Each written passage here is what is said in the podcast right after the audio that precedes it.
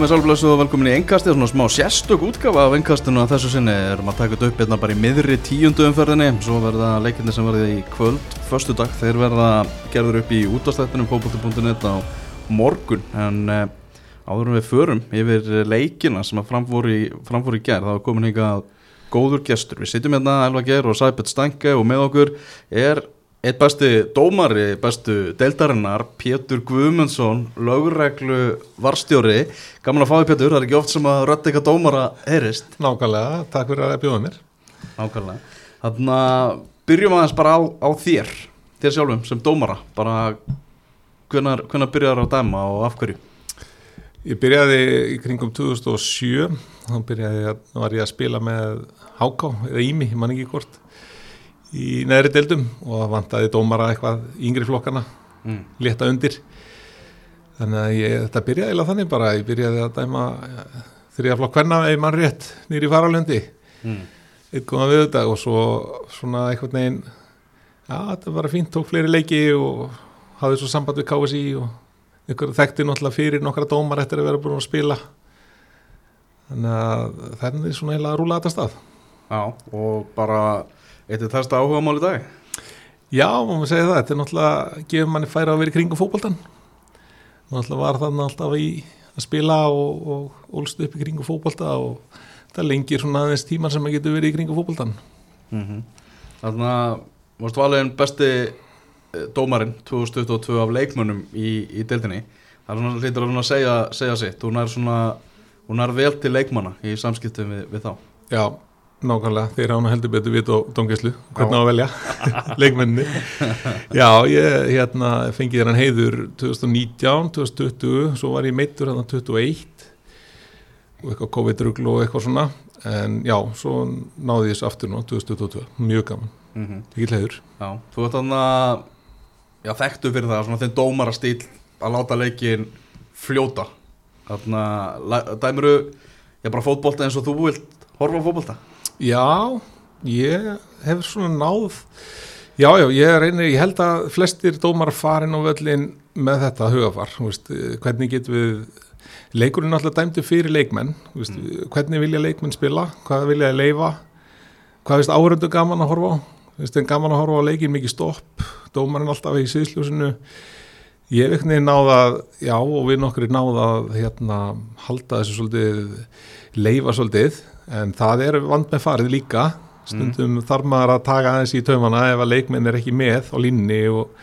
og hérna, verða pyrraðir kannski vilja fá aukarspilni hér og þar og alltaf svo að fara sækja hann tilbaka næsta mómenti en þá þarf maður að vera vakandi fyrir því að grýpa inn í en, en hérna þetta kostar náttúrulega það líka stundum verðt að sleppa einhverju smábróti hér og þar mm. þannig að hérna sem þú vissulega gæti dæmt á en svona Já, ég, þetta er rétt, ég náð ákveðlega til leikmanna með þetta hérna, og þeir eru að skilja hvað ég er að gera og eru, eru samþykjið í.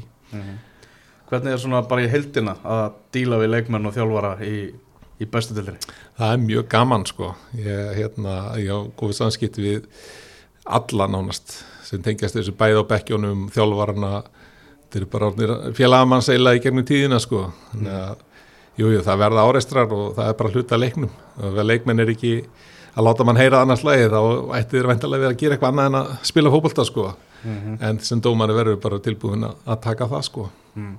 Það kemur fyrir náttúrulega með farið við strikið. Já, já, vissulega og það er bara hluta leiknum. Og það er bara búið þegar leikurinn er búin sko. Mm -hmm. Hvað, hvaða leikmenn eru duglegast að gefa þér góða ráð svona í, í tónkist? Það er marga mjög góða ráðgjafa sko ah.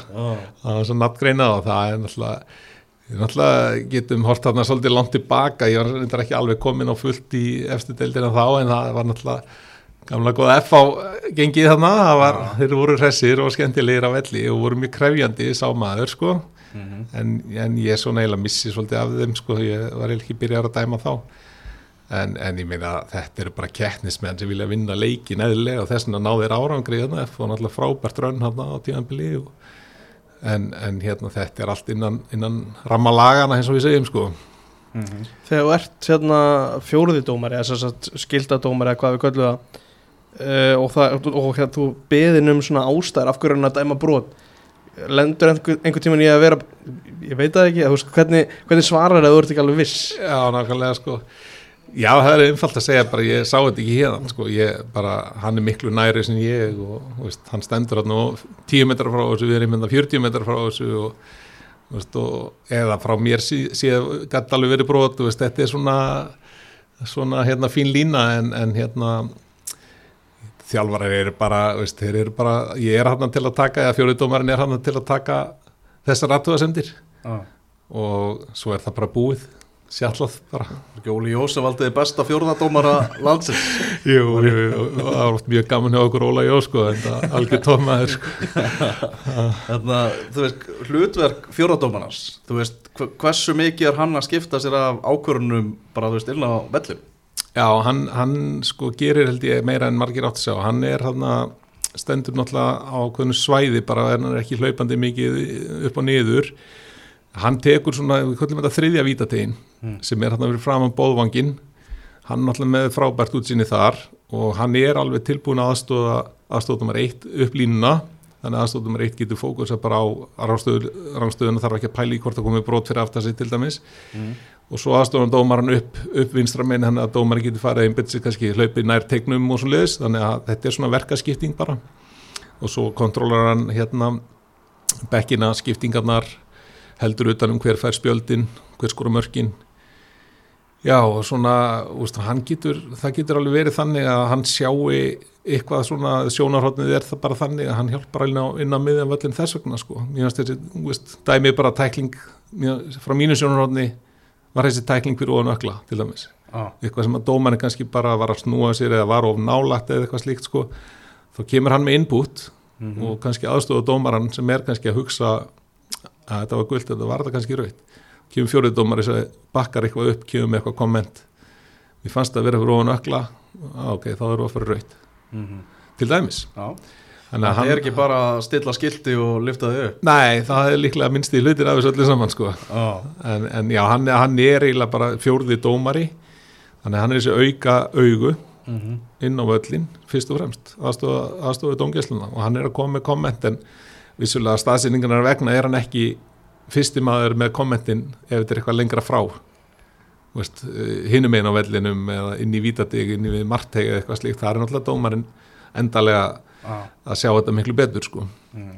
og svo náttúrulega er hann varadómari ef að kemur eitthvað upp á hjá dómarunum eins og við sáum í, í gær í, í ormanum í fylki Káver þegar að Tvanna kemur hann inn að begnum Algjörlega, algjörlega, það, ég þurfti að koma inn og svo við maður þurfti að koma inn og villi alvar koma inn fyrir mig í kriganum hérna um árið.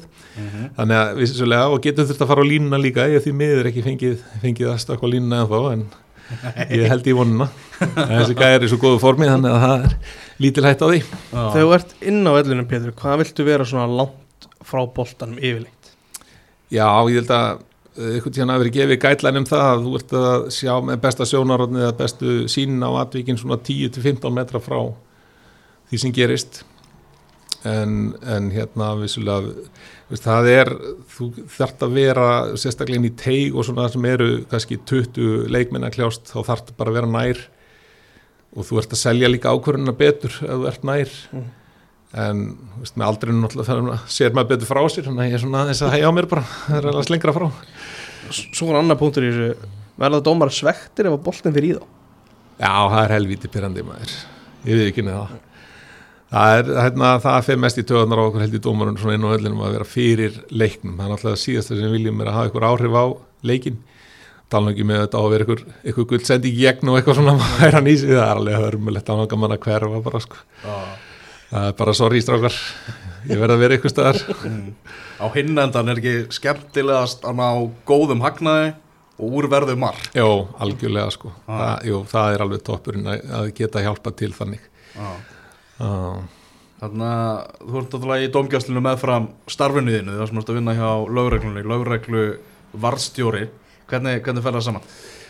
Það er smá púsl á köflum þetta er, ég er í vaktafinu, sólarhengsvöktum þannig að það er smá púsl en ég nýtt þess að geta valið vaktina sjálfur. Já. og ég sé nokkur veginn svona leikjaprogrammi það er náttúrulega gefin út leikja áallin yfir, yfir tíabilið þannig að ég get valið mér svolítið vaktir í kringu það. Mm -hmm. en svo kemur byggarinn inn í og svo þetta maður inn í fyrstu aðra deild, jætvel sem betur fer inn á milli. Þá þarf maður kannski aðeins að hagræða og, og strákandir á vaktinni hlaupa undir baka með manni og maður fer að koma seint eða, eða skipti vakt eða eitthvað slíkt sko. Þannig að þetta mixast allt saman ágætlega upp sko.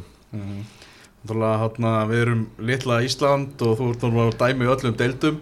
Og við vantilega lendi því að vera að dæma hjá leikmönnum sem eru svona á leiðinni í, í hinnu starfinu, í lauruglu starfinu líka. Já, já, það er alveg gert sko, já, eins og segir litla Ísland sko, við náttúrulega þekkjumst allir og vitum allt um alla hérna, þannig að það er bara kostur, ég menna, jú, maður hefur kíkt í gott partí á vaktinni hjá það sem verið kallaður út og það eru nokkri góði leikmenn hann að hafa gaman eftir, eftir seguleik og það er bara mjög gaman, sko, ætlar eða með heim eða eitthvað, gera eitthvað gott úr því, en ég held að það sé bara bæði, bæði kostur, sko, ég, já, bara flott hérna, samstarf þar á milli, sko. Þarna, já, liðin í, í bestu deildina hafa svona staðið sig misjaflega í, í, á- í mótinu. Eru þið í þriðja liðinu? Eru þið ánæðir með svona hvernig tímabilið hefur gengið í okkur hinga til? Já, ég, ég held að þetta sé bara á pari við, við hérna önnur tíðanbíl, þú veist, alls ekkit verra og, og vonandi eitthvað betra, við erum alltaf að reyna að bæta okkur dómar að fara alltaf inn í alla leiki með því að reyna að gera betur enn í síðasta leik, bara líkt og leikmenn og önnu lið við leggjum mikla vinn í, í hérna, við, við erum ekki bara að mæta í leiki og dæma og fara heim. Við skoðum atvik, við fyrir sjálfur yfir leikjun okkar, við skiptumst í að til á klippum. Mm Uh, það er mikil eftirfylgni og menn undirbúið sér fyrir leiki að til daginn, daginn fyrir. Vist, ég er að fara að dæma eftir á stjarnan háká maður skoðar síðustu leiki. -hmm. Og fer yfir þannig að þetta er menn leggja metnaði að reyna að gera þetta eins vel og, og hægt er. Og við, eins og menn eru náttúrulega bara í öðrum, öðrum vinnum eins og komin á áðan og menn eru með fjölskyldur og þetta tekur tíma.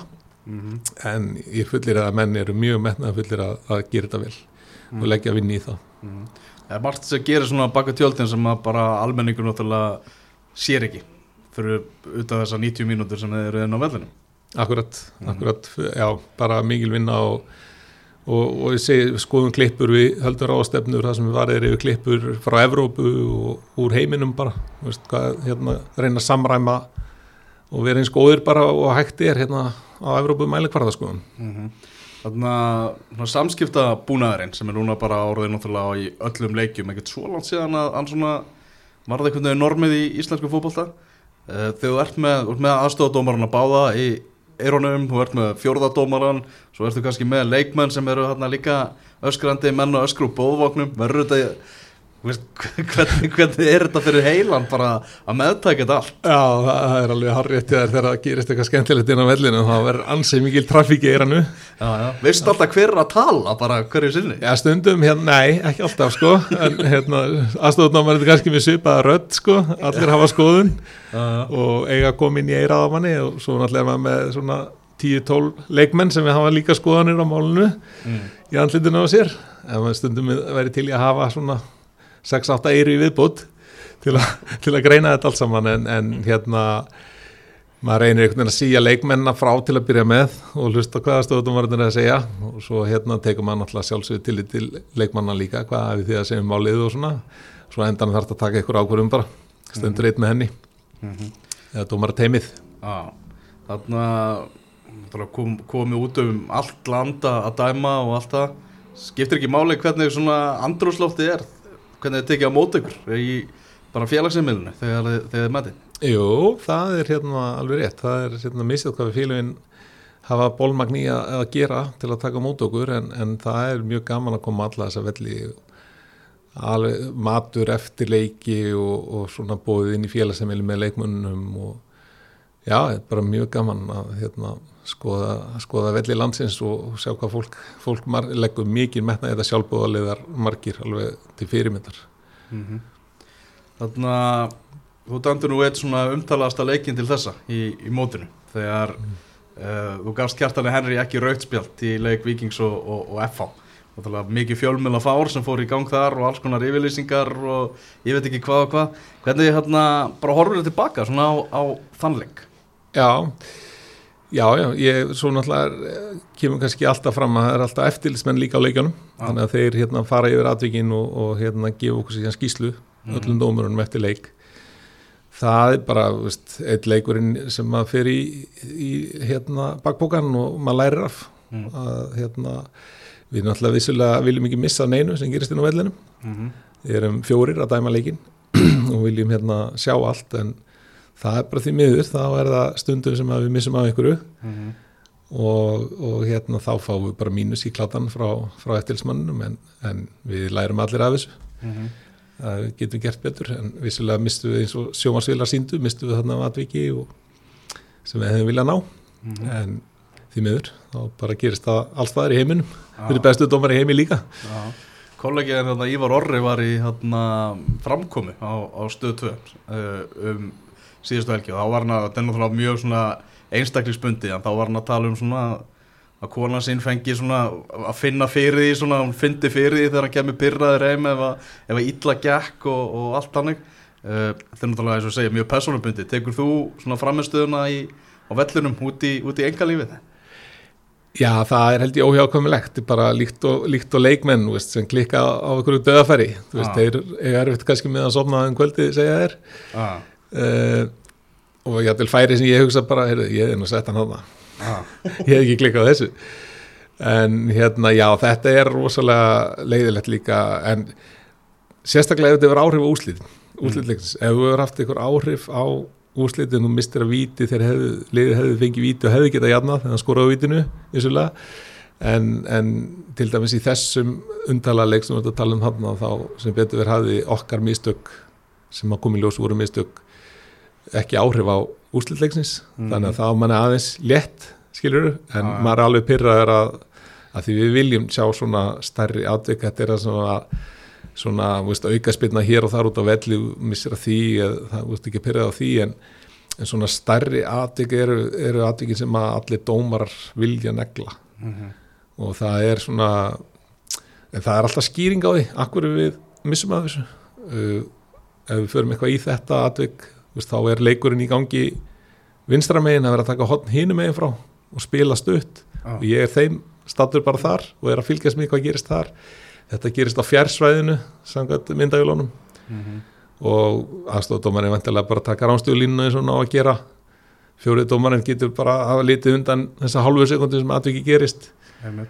Þannig að veist, það er ekkert þetta það er alltaf skýring á því akkur, akkur við missum af atvikun, það getur verið er bara leikmanni, veist, það getur ykkur utan að koma til tröfluna verið. Eða bara við erum ekki 100% vissir. Og þá erum við ekki að fara í ykkur stóra ákvarðin nema að vera bara 100% vissir. Það er svona, meld ég megin regla hjá öllum dómurum. En já, já, þetta getur alveg, alveg trubla mann, en Já. með reynslunni og aldrinum og þá held ég að menn svona e, sé orðin sjóaðir í því að hérna, halda bara áfram og, og hérna og við tölum við hvort annan og hérna förum yfir málinn og, og svo er bara næsti leikur. Bara eins og líkt og hjá leikmennum sem klikka á döðafæri það er bara taka næsta döðafæri sko og skora. Mhm. Það hlýtur að vera svona krefjandi fyrir, þú veist, þú er náttúrulega hókina reynslu í þessu og séð allt. Fyrir unga dómara sem eru kannski komið inn í deildina, það er svo svakaleg umfjöllin um þessa deild. Mm. miða við hvað hún er bara einhvern veginn litla dúlu deildin okkar, það er náttúrulega bara er umfjöllinin rosaleg. Og ég man að Freyr Alexander svo talaði um þetta þegar hann fór í dönsku bjettildina þá svona fatta hann hversu mikil umræð og umfjöllin eiginlega er um íslensku dildina uh, allir þessi hlaðvarpstættir og, og, og Twitter og allt það. Menn að það lítur að vera kunst svona fyrir mann sem að vera aldrei lendi í þess að vera aldrei komin í eitthvað svona ringið Já, öruglega sko Já, við bara fögnum allir í svona umræðu og, og bara uh, deildin fáið svona mikla aðtikli og það sem betur verið er, er mikill áhuga á þessu. Það er eitthvað bara, veist, hérna ég, þegar ég er að byrja og fer hérna í fræga leiki í annar deildin en bara minn fyrsta leiki í svona efri, efri deildum ég fekk heldur betur á vögin og einhverjir hefðu MBL alveg bara flenni fyrirsagnir og eitthvað svona, þetta er sem betur langt síðan. Slapp hérna frá þessu andlega en, en kannski einhver yngri dómar verða að vera tilbúinir að, að því við munum alltaf að gera mistök. Já. og þe þegar ert ungur og ert að byrja og þá verður þú bara að vera tilbúin í það. Og, og hérna að það kemur umfjöllun og þú fær neikvað umfjöllun og, og, og ofta á það rétt á sér skilur eða mm. það er verið að fjalla eitthvað um mistök sem við gerðir og það er bara hluti að leikn og ef þú kennst í gegnum það svona á fyrstu metrónum þá ættir þú bara að verða betri og betri eftir það að taka við þessu sko. Mm. þannig að hérna ég slapp allan á sín tíma á hér í dag og yngri dómarar er alveg held ég með þetta um þetta og þeir alast upp í þessu umhverfi og, og þeir hérna tækla þetta held ég. Og þú nefnir þetta, er eitthvað svona er eitthvað atvik eða þá heill leikur sem að þú lærðir hvað mest af? Mm, Nei, ég, nei, ekkert svona eitt held ég sérstakt sko. Það er bara maður hefur mistað mörgum svona aðtöku sem maður hefði viljað ná. En ég held maður læri bara læri einmitt þetta sjónar sjónamið og þetta hugafara að, að hérna, það er skýring á því akkur um missir af þessu og þú verður bara að gera betur næst. Það er bara, það er hluta leiknum að dómarar klikka og það er hluta leiknum að sendirinn klikkar og markmæri færir inn í klófið og svo framvegis. En menn mæti alltaf í næsta leik bara með, með kassan úti og haugun uppi og, og reyna að gera betur. Mm. En þarna lítur að vera erfitt að kíkja ef þið finnst umræðan vera ósangjöfn og kannski svona meira byggð á bara einhverjum alhæfingum án þess að það sé verið að raukstiðja valið og jafnvel einhvern veginn tekið, tekið dónalega til orða. Já, ég held að sko okkur finnist dómurum að, að þegar að kannski eitthvað atvikið tekið fyrir Ah. og sá sem er að fjallum atvikið byggir það bara á þann tólkar ekki lögin rétt, bara knaspinnulegin eða les ekki knaspinnulegin ég tók hérna, við getum tekið dæmi bara það, ég man ekki eftir atvikin akkurat en ég hef séð svoleiðis sem að brot byrjar fyrir utan teig endar inn í teig að klára sóknamann inn í teig að þá vil, vildi þessi sem var að fjalla um málið að brotið væri aukaspinna en samkvæmt knaspinnulugunum er um vítaspinna ræða ef að brotið endar inn í teig þannig að það er bara þurft að fletta inn á netinu ksi.is var í reglurnar og sjá, já ok, þetta er vítaspinna semst ef að brotið endar inn í teig Ah. til dæmis, Mm -hmm. veist, og þá var farið kannski mikinn um þetta, til dæmis eitt atrið, þetta er bara eitt af, eitt af mörgu svo þetta hendi ekki hendi tólkunatrið þar eh, menn náttúrulega dómarar tólkaða kannski misjáft, þannig að það er eðlilegt að þeir sem fjallum knaspinu tólkiða líka misjáft en það er eitthvað sem að dómarinn þarf bara að ákveða á, á hvað, hvort hann allar að dæma vitið að sleppa því. En nei, nei, ég, hérna, við fögnum allir, allir umræðu og örgla eru þeir sem fjallum þetta að reyna að vera eins faglegir og þið geta. En ég bendi bara á knaspitulegin ef ef þið er ykkur um afa að fletta því bara upp á ksi.is og að þú verðið ykkur nær og getið gert enn betur. mm. Hefur þið oft hefur þið oft langað að bara stíga inn og svara fyrir bara atrið Já, það er alveg gert sko. En það kemur ekkert alveg upp í huga núna en, en stundum þyknar aðeins í manni ef maður lesa um kvöldið. Uh, en hérna að því að, að því maður veit betur sko og veit að það verið auðvöldra fyrir þann sem er að fjallum málið að hérna fletta því upp eða skoða bara frá hérna út frá knasputulögunum til dæmis.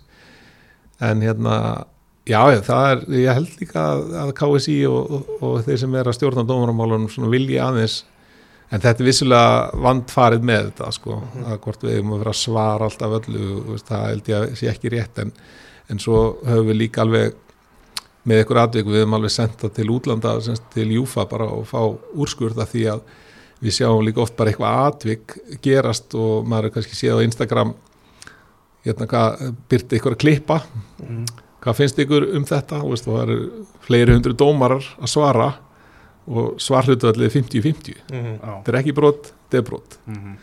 þannig að við búum náttúrulega líka við það að atvik getur verið túlkað hægri og vinstri en bæði getur verið rétt Já. Skiljið mig og við höfum séð dómar að fara í varskjáin til dæmis úti, dvelja þar í eina, tvær mínútur skoða frá öllum sjónarrótnum svo þegar hann kemur tilbaka á myndalinn í andlitinu og maður sér ennþá á hann um hann er ekki viss Hann er ekki viss. Nei. Þannig að það er, hérna, það er að fara með atvik til hægri og vinstri og bæði getur verið rétt hendi eða ekki hendi ég hef hérna, nú verið að lýsa ennska boltanum því að það er komið eitthvað í var og eitthvað Já, já. ég þóra ekki að fullir það neitt maður getur Nei. bara maður getur búist við öll Já, það er rétt sko. Maður finnst við að fara meira í áttina að dæma fleiri hendi já, heldur en ekki. En sko, maður reynir að skoða þetta einhvern veginn bara er, sko, er hend, það er ekki hægt að spila fótboltan svo er með hendurnar einhver staðar. Einmitt. Og þeir eru alltaf að verjast séð hend, menn setja hendur fyrir aftan bak veist, og þar með missa þeir svona kannski reyfigetuna aðeins, mm. veist, það er svo erfitt að reyfa sem hendur fyrir aftan bak. Og eru greinlega ekki með einbendingun alveg kannski á, á því sem að máli skiptir. Og missa bara fyrir gefinni en, en menn eru orðin svo hrættir að fá boltan í hendina. Já. en uppalega reglar er bara ertu með hendina í náttúrulegri stöðu, eðlilegri stöðu með hvað þú ert að gera. Mm. ert að renna þér þá er eðlilegt að hendi fara og svo framvegis en þetta er, þetta er ótal sjónamið sem það er að skoða þegar, það er ákveða með hendi og ekki hendi Mhm. Þarna Anthony Taylor, við þurfum nú að, að ræða eins hann, dæmdi úslítalega Evrópudeildarinnar milli Róma og Sevilla núna á, á, á 50 daginn leikunum fór fram í Budapest og hann tók uh, konuna og, og held ég mömmu sína með þarna bara úti í, í Budapest, að þau, þau fylgdi hann hann uh, Morinju, alveg gjössanlega trilltur og er öskarandi á hann þarna bara á bílaplaninu eftir þetta. Síðan fáum við að sjá þessi vídeo sem að koma, koma fram í dagsljósi í gerð frá flugvöllunum þegar hann er á leiðinni heim þar sem að já það er bara hennilega að gera árás á hann og ekki bara hann heldur bara hans nánustu á flugvöllunum. Og ég menna það bara horfir á það er alltaf söðu punkti og bara maður hugsa þarna hefði geta bara farið miklu miklu verð og maður sér það að margir svona sem er að skrifa um svona mál er að tala um að það sé eiginlega nánast bara tíma spursmál hvenar bara dómari verði fyrir al alvarlegu ofbeldi bara í tengslum við, við sín störf er ekki, það er bara hrikar þetta að sjá þetta í gerð Já, þetta er ömurlegt alveg, alveg ömurlegt sko. Ég er ekki búin að sjá þessi vídeo en, en hérna bara að lesa, lesa þessa fréttir, þetta er alveg ömurlegt að þetta skulle geta gerst og þetta er örgulega eitthvað sem að Júfa verður að taka bara virkilega harta á mínum að því sko. Svo hugsa maður líka þú veist bara út af Mourinho tók mjög sterkt til orða á hvernig hegðun hans var og allt hannig það er svona vanga velta ef að Mourinho hefði ekki hegðað sér svona hvort að hegðun stuðnismannana hefði kjölfarið verið svona rosaleg á, á flugvellin Já, akkurat sko, hvort það er hann sem kindir, kindir bálið. Já, Nákvæmlega, hann, hann náttúrulega gengur klárlega og langt aðna sko, þannig að þetta verður örugglega allt skoða ofan í kjölinn og, og við verðum bara að hérna vona að besta fyrir Anthony Taylor að hann hérna hætti ekki og, og láti þetta ekki á sig fá en, en vissulega lítur þetta að setja stórt í, í reikningin hjá honum bara fyrir fjölskylduna og annað sko hvort að, hvort að hann komist heilt frá þessu en, en hérna ég, við verðum bara að treysta Júfa til að og ég ætli löglu vildum bara til að skoða þetta og nýkjölin og, og komast að einhverju góðri niðurstöðu eins og hægt er úr þessu ömulega máli. Nákvæmlega. Fær hann að, veist, eitt stærsta leikin sinna á ferlunum, dæma úslita leik í, í Evrópu og síðan verður hann bara fyrir, fyrir þessari umurlegu lífsreynslu. Já, nákvæmlega sko. Ég, ég sá náttúrulega ekki alveg allan leikin ég var ekki bara uh, góð framistað með að við bara ég sá að leikur var hrikalega erfiður að dæma. Þetta er auðvitað rosalega krefjandi leikur sko. Já, og hérna ég gæti ekki séð betur en að hann bara helt sínum, sínum stíl veist, leifiði, leifiði vel og, og, en leikmenn náttúrulega verða líka að taka þátt í eins og við komum aðeins inn og áðan veist, hversu mikið eru leikmenn tilbúin til að taka línuna sem þú ert með já, já en þarna var þeir í sáði voru að hópast mjög mikið að honum það var mjög mikið læti á bóðvangunum Mhm. hann var hann, hann Michael Oliver var þar Já. og svona í lokin var þetta bara, mér syns að vera alveg orðið stjórnlistan á bekkjónum hjá þeim sko Mhm. en, en það er rosalegur hitti náttúrulega og erfitt og, og, og eins og segjum Mourinho og þessi gæi sem hann er. Getur svo auðvitað kontrólað finnst mér ástandið. Mm veist, róar hann liðið niður eða er hann að kveiki í sko. Og mér síndist hann vera veist, með handabendingar hann á bekkjónum og á freka þá náttúrulega æsist líðurinn upp líka með og svona. Já. þetta er svona þannig bara mín persónulega upplifun af þessu sem ég sá sko. Mhm.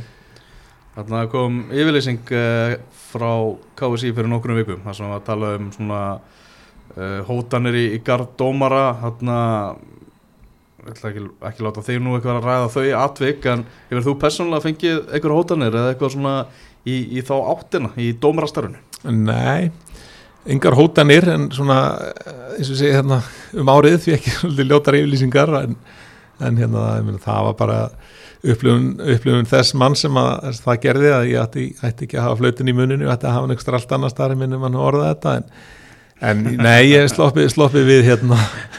Sloppið Alveg við. rétt, ég var að gleyma því. Það var, hressandi. En það, nei, það er svona ég hef alveg sloppið við, við þetta sko, ennþá en það, þetta er náttúrulega ekkur braut sem að enginn vill fara inn á held ég og þessi með að hluta máli hluta nú að sjá eftir þessu þessum hótunum sem þeir settu þarna fram sko. Mhm. Þarna endurníun í, í dómarahópnum það er náttúrulega mikil áskorun bara fyrir KSI og KSI eru félagin bara fyrir íslenskan fótbolta. Við erum, já, í þessar umferð Guðger Einarsson að dæma kollegið þinn á báðum vikstöðum er ekki ba- jú, jú, passar. Já, og Gunnar Rottur hann var að dæma tvana þetta svona inn í þetta óvænt. Er, er þetta svona, er þetta, er þetta malla er þetta ganga vel? Já, ég held að ég, held að einmitt að, að dómara nefndin Þórótur Hjaltalín fyrir þetta dómarinn okkar hann, hann er mjög ötull í því að, að finna og reyna að íta fólki út í þetta að dæma. Og ég held við séum bara, bara mjög góðri leið hérna heima og, og þetta átakar einmitt, einmitt hluta því og, og bara flott að fá, fá unga stráka. Við erum ekki eilífir í þessu náttúrulega frekar en leikminni menn það verið að rósa KR og, og fylki og fleiri að spila á ungum mönnum Mhm. menna við viljum bara sem fyrst koma, koma ungum og efnilegum mönnum sem hæst Mm þannig að já, ég held að það séum bara á mjög góðri leið og, og þetta er svolítið að vakna heldum við aðeins svona einhvern veginn dottið út eða svona ekki bara sint þessu nógu vel Mm. treyst svolítið á þetta muni gerast að sjálfum sér en, en það þarf að, þarf að vinna í þessu og Þóróttur er að gera frábæra hluti held ég þarna í þessu, þessu hlutverki -hmm. Þarna eftirminnisti leikurinn á ferlinu Já, byggar, ég held að það séu örgulega byggar úrslit leikurinn bara á, á lögatsvellinum Víkingur FH þegar Víkingur vann hvað 2019 1-0 já. Rauðspjald og loft og vítaspinna úrslitamarkið. Mm Já, það er, stað- ég held að menn ekkert stærri leiki en það að fá byggar úrslit leik það var rosalega gaman. Já Svo svo- svo erum að tala um þetta Anthony Taylor dæmi sem er kannski ekki að lokka menn í, í að fara í dómgjastlu en það er fullt af plúsum í þessu, það er fullt af, fullt af skemmtunum hlutum. Já, algjörlega, það er, það er náttúrulega miklu fleiri ágæðir og skemmtilegi lutir þetta er náttúrulega algjörlega hérna, einstök atvik sem við, þú talum hérna, eins og Antoni Taylor, þetta er eitthvað sem maður aldrei séð sko held ég, mm. ekki hérna í Evrópu allavega. En, en hérna já, þetta er, þetta er félagskapurinn og, verið kringum fótboltan, þeir sem hafa áhuga á fótbolta Mm -hmm. og svo er þetta eins og, eins og bara líka að þú ert að standast þrekkprófin ah. það er svona ítið er bara sjálfum að, að stað persónulega að vera í góðu líkanlega formi mm þannig að það er það sem ég tek út úr þessu það er, það er félagskapurinn verið kringum fótballtamenn og, og þess að fótballtaleiki og hérna svona áhuga mál bara -hmm. Hversu lengi ætlar þú að dæma í viðbútt? Það er ég ætla að taka leikin á eftir allavega stjarnan káa eftir. ég er eiginlega svolítið komið þangað bara. Ég tek bara eitt leik í einu. Ég ætla að hætta fyrir tveimur og þreimur og svo mittist ég þann 2021 þá var, var ég svona alveg á brúnni það var annarkvart að hætta bara og setjast í byrju sofa og hafa það gott eða, eða rífa sér bara í gang og koma sér í gott stand. Mm. Ég tók sem betur við setningkostin ah. Þannig að ég tek stjarnan ká á eftir en svo hérna, ég hugsa aldrei lengra en það ég, hérna, bara næsti leikur ah. Að þú ert bara í standa eins og ungu maður Þetta í hörku formi Já, þakkaði fyrir, mér það gengi bara mjög vel að, að hérna, halda sér gangandi og líka mér bara í fínu standi núna og, og hausinn, mann er lakkar alltaf bara til að í leikina og, og gaman, veist, dæma með yngri strákun sem er að koma upp að hafa mikið áhuga, mjög metnaða fullir og þeir halda manni, halda manni við efnið þessi strákar. mm. Þegar þú horfir á leiki Pétur þegar bara, bara leiki erlendis eða eitthvað Ertu mikið að spá í dómaranum eða þú veist, nærðu, er þetta djöðlur sitt í góðir og ertu þar frekar? Já, ég, já, það er náttúrulega ekki hægt annað en að dásta að sitt í hversu frábæri þeir eru en ég, svona begja blands ég, ég er miklu meira að hérna, horfa á dómara núna í setni tíð veist, og maður eins og sá sem er að dæma úrslita leiki mónandi hérna, Pólverinn Massinjak, Mm. frábær í úrslita leik HM, Mm -hmm. frábær dungjastla, sko, þetta er svona grjótarður alveg og ákveðin svona, maður svona, hérna, horfir á svona hvernig stíl þeir eru með Mm. það er svona hver dómari bara með sinn stíl og maður svona reyna að taka að bara það sem mann finnst þeirra flottast og best og virkar best og reyna að tilenga sér það þannig að jú, maður pælir mikið, miklu meir í dómarum örgla heldur en hensi average fótbolta áhuga maður er að pæla sko, sem er væntalega ekkit að pæla í þessu hvað dómarinn er, er að hlaupa eða hvert hann, hvert hann hleypur eða hva, hva, hvernig hérna hann tala við leikmenn og svo framvegis sko. Þannig að við erum örgulega svolítið sér á bátum með það dómara sem við erum að horfa að við erum svolítið að pæla í því. Og talar um svona stíl hjá dómarum margir sem að velta fyrir sér af hverju einhver stakur leikmaður færi tiltal og hægist á leiknum og svona, þú með þú stutt og snart er það þín leiðis? Já, það, já, einmitt. Ég, einmitt, ég held að kom kannski aðeins inn á áðan að fólk vill að leikurinn gangi fyrst og fremst og leikmenn almennt vilja það en stundu þarf maður aðeins að hæja og, og hérna tala við þennan og sína líka áhörundum og öðrum leikmönnum að það sem gerðir hérna áðan gengur ekki. Veist, og tekur hérna smá tildal og veist, sjá það allir. Fólk skilur það alveg hvað maður að gera en vera mikið í því að stoppa leikin út af eitthvað svona er ekkert sem að enginn hefur áhuga á held ég leikurinn er alveg nógu hægur fyrir og við verðum að reyna og við erum ofta að reyna að halda tempónins há og við getum uh, og hvað leikmenn treystar sér til. En stundum er maður líka oft sem að almenningur sér ekkert og, og menn taka ekkert eftir að við erum mikið að tala við leikmenn off the ball á þess að nokkur sjáu svona unpublic viðtal, veist, maður hleypur fram hjá ykkur hérna áðan passa þetta. Veist, ekki toga, ég sá helst í hann veist, maður að taka fullt af svona kommentum á leikmenn sem enginn pælir í bara nema ég og þessi leikmaður. Þeir eru náttúrulega ofta eitthvað að kommenta á mig skilur sem, að, hérna, sem er bara okkar á milli sko, það sér þetta enginn, hann kemur eitthvað bara þetta var hot, veist það. Já, ég, sorry, ég bara fannst þetta var margspilna, ég sá þetta ekki og bara sorry, næsta mál. Það er fullt af svona stuttum litlum viðtunum sem enginn sér sem við erum með alveg bara allan leikin í gangi sko. tala líka um náttúrulega, þegar þú ferir niður í fyrst og aðra del dæmur þá öðruvísi af því það er ekki fjóruðdómar ertu að kofra aðeins öðruvísi svæði? Já, akkurat, það, það er nefnilega málið. Við þurfum að breyta aðeins þegar maður, við erum bara þrýr þá ekst aðeins hérna, fókusin á þriðja vítadeg fyrir dómaran og aðstofdómar eitt. Aðstofdómar eitt þarf að, að passa aðeins meira að dæma inn á öllin að það er svolítið hérna, bara aðeins meira krefjandi. En við höldum alveg sömu línu og allt, allt svoleiðis alveg nákvæmlega var, ég átti þá spurningu eftir. Viltu var í íslenska bólla, hver er bara skoðuðin á, á var og þessari tæknið þróun sem er í gangi? Já, talandum að halda tempóin og hraðan í leiknum. Þetta er gott í kjölfara því. Já, akkurat sko, það er hérna vissulega eru þessi, sko, ég held að var hafi líka verið að hugsa þannig uppalega að taka þessi stóru atviku, tókum hann að atvikaðan sem að við sáum á vikingsvelli leikinu sem ég var að dæma. Mm. Svoleiðis atvik sem að dómarat er missa af og er svona svart og hvít bara leikbrot. Já. alvarlegt leikbrot sem er leitt í vítaspilnu hugsanlega gullt eða rautt spjald þá má debita með það.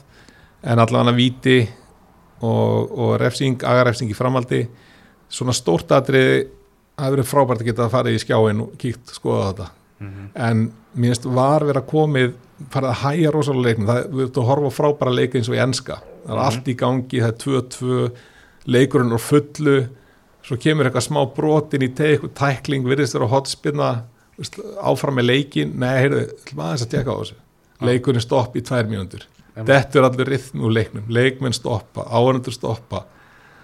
Svo kemur í ljós bara nei, áfram þetta var bara hotn, fattur við Já, uh, leikurinn missir hraða, missir skemmtun ég held að var hafa ekki verið hugsað út í þetta en, en þetta er svolítið braut sem menn eru konur inn á veist, hvað ætlar að stoppa hvað ætlar að skoða mikið hvað ætlar að vera nákvæmur passa upp á ofnótkun já, ég held, að, ég held að það sé einhvern veginn stóra málið sko. ég 100% myndi vilja sjá hérna ef að einhver ver með hendi á línu og Já. við missum allir að því veist, og það er 0-0 Já. á 90. myndu einhver mókar hann út frá línni Mhm. Vá, hvað verður gott að fara í varskjáin og kíkja á það Já. að því allt verður vittlust að því leikmenn sjá þetta en við getum ekki, við sjáum þetta ekki og getum ekki tekið sénsinn sko en, en ég var, veist, rángstuðu til dæmis varið veist, það er í en- enska boltanum að teikna þessa línur og svo sjáum við náttúrulega eins og þú veist í enska boltanum veist, helgi eftir helgi Já. er samt eitthvað að rífast eftir var ákvarðanir Já.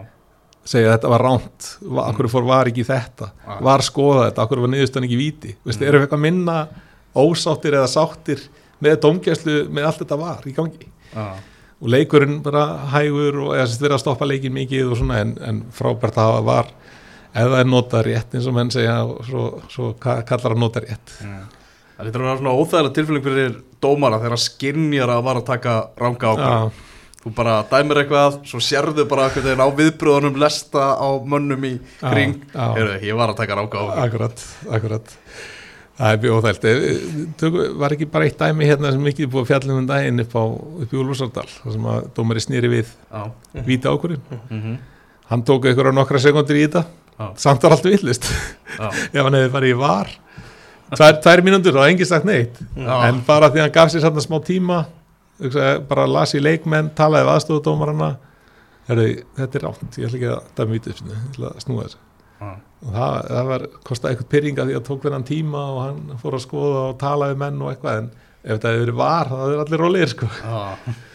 Þannig að ég man því að Gilvi Orra talaði ofta það að svona, ég man ekki hver, hvað umfærða var nákvæmlega hvort það var sjötta, sjöunda eða eitthvað þannig að svona að vera aðeins meira krefjandi fyrir dómarana í þessum umferðum. Já, þegar þjálfararnir liðin eru farin að sjá að markmið er að er á svona einhvern veginn að fjarlægast Já. sem er settu sér fyrir tímabil akkurat og er það svona aðeins pyrraðri Já, það er alveg hárið rétt í gilva sko. Já. Við erum einmitt á þeim stað svona í mótunni þannig sem núna Einmitt. þannig að hérna, þá verður maður finn, skinjar spennust í hækka Já. en minna, við verðum að fara alltaf bara, við reynum að fara alltaf eins einn betur og góðir inn í alla leiki og við getum þrátt fyrir og megum ekki ráta spennust í leikmanna eða liðana að hafa áhrif á okkur það er svona okkar, okkar markmið í þessu að koma bara alltaf eins vel og, en við svolítið skinnjum við það og, veist, og við, við erum alltaf 100% einn betur en, en við viljum alltaf gera betur. Minn spurningalist er tæmtur Já, ég og eina, hérna uppbótartími. Þú veist, þegar að leikur er í gangi þú kannski skinjar að það hefur verið aðeins að kreista út 5 sekundur hér, 10 sekundur hér yngustum útspörkum, ertu byrjar að taka þetta saman, eða hvernig virkar þetta? Já, það er einmitt líka fjóruðdómarinn kemur þar inn, hann er svona svolítið á frísón með það að, að hérna, vera með klukkuna. Þannig að ef, ég er líka mjög til dæmis grimmur og ég held að við séum orðin það að dómararnir að ef við skinnjum að leikminn er að tefja þá erum við bara grimmt að bæta við því sem okkur finnst fara fórgörðum þeim tími sem finnst fara fórgörðum, við bætum hann hygglust upp. Ég man í leiki fyrra það var uh, Víkingur Íbjöf það var fyrir HM uppbótatíman að þá bætti ég við 8 mínútum. Já. það var ekkit sérstætt uh, ekki mikið meðislega neitt svoleiðis það var bara tempóð var svo mikið dreipið niður það var tekin ekstra tími alltaf í yngust þó maður sér reyna að reyka á eftirmönnum og eitthvað svona sem dæmi hann að og veist, og leikmenn líka fljótir að hérna, skinja þetta. Þeir segja, heyrðu, þú voru að bæta við. Þú, þú bætir þetta við, þú sér þeirra að tefja. Veist, þú bætir við, Mhm. þú veist, já, já, já, við bætum við, við bætum við. Þannig að, jú, við tökum tíman og reynum að vera eins uh, nákvæmir á því að bæta við það sem á að bæta við. Þannig að hérna, leikmenn áhörundur eiga geta treyst í að sé verið að reyna að leika til þess að 45 mínútur. En, en hérna, þetta er alltaf svona uh, rosa erfitt að vera akkurat á sekundunum sko, Þú veist, marspilna þú veist, menn er að stilla upp, alla taka stutt af marspilnu, svo sjá þeir að pressa að hætta við og færa boltar yfir og svona, en uh, þetta er allt hluta leiknum og þetta er bara hlutir dómar að lesa í það. Svo eru margir svona sem benda á að er hann búin að taka hálfa myndi alla leikin, akkur hann að drífa sér núna í lokleiks Akkurat, akkurat það er hérna eitthvað sem hann leifi sér hérna og enginn setur út á fyrstu fimm mínúndar svo við staðan og er nú leitt þá verður allt vittlist eða hann ætlar að taka sama tíma. Það er einmitt hérna einmitt kemur aftur á dómaranum að láta þetta ekki af árið og þú verður að leifa nákvæmlega sama frá fyrstu sekundu til þeirra síðustu. Algjörlega. Pétur Guðmundsson, bara takk kjærlega fyrir, fyrir komuna og gaman að heyra aðeins rödd frá, frá þriðaliður. Takk eða fyrir mig Innkastið. Fótbolti.net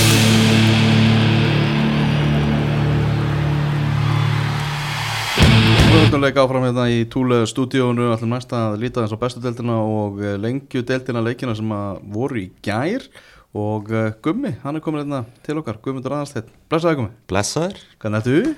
bara, bara mjög, mjög góður sko. Nett jættur Heldur betur. Já, Heru, þú varst á stórleiknum í, í lengju deildinu fyrir mig hann á eftir en Stænka mm. Fylgir 3, KR 3 á Vúrþvellinum í gær. Þú varst í stúkunni í Orbanum, ég að skrifa í fréttamannastúkunni.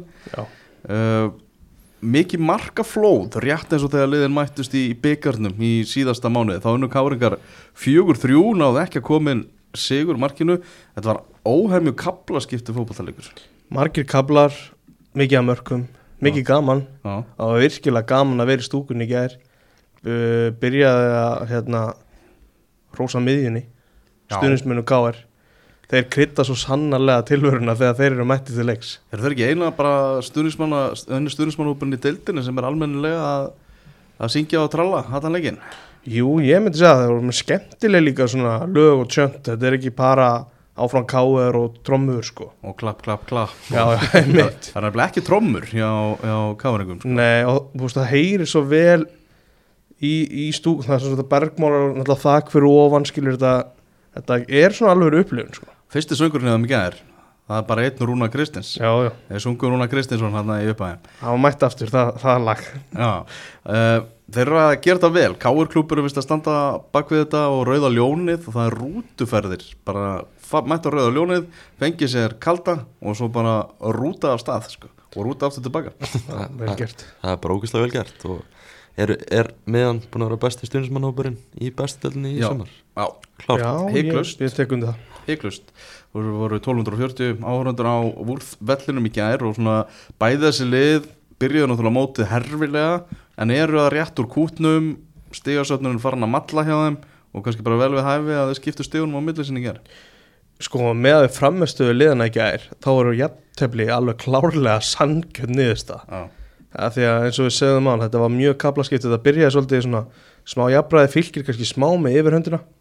Svo á kára kaplaða sem þeir eru bara miklu betri heldur en fylgir alveg bara miklu. Mm svo kemur hálftíma kapli hjá fylki þar sem að þeir eru með yfirhöndina og mjög sannfærandi. En í lokin þá að fær, svona gefa þér aftur kindilin á káar sem að er svo líklega að liði kannski í lokin til að til að setja sigumarki sko. Já, það er þannig. Hérna, Theodor Elmar sem að ég valdi mann leiksins var með tvö mörki í þessum leik og hann svona kom með góðan punkt í viðtalið til leika sem að tala um að við megum ekki vera litlir. Bara þegar við erum komnir yfir í leikjum þá eigum við bara að halda áfram veist eins og, eins og við vorum að gera bara bæta við. En þeir voru svolítið svona að draga sér tilbaka þegar náðu fórustur akkurat það sama og fylki gerði svo Sama megin. fylki gerði hinnum en akkurat. Það bæði lið voru að gera þetta. Og úr var þessi kaplaskipti leikur. Og öll mörkin einhvern veginn svona verskuldu að liðin voru, á, voru betra á þeim tímapunkti sem að þau komu. Það kom eiginlega ekkert mark á óvart nema mögulega fyrsta marki þar sem að er freka mikið jafnbreið og mikið klöfagangur í, í, í hérna, Jakobi Frans þar mínu manni. Hann bara hittir ekki boltan í, í hreinsun og Pétur Bjartarsson með skoti slá og Þóru Gunnar fyrstur í rýbóndi sko. Já, sko kom fylgið hann yfir á, á áttundu mínútu. Virkilega upplugur í leiknum var að búa til usla í káarvörðinu aftur og aftur Þóruð Gunnar.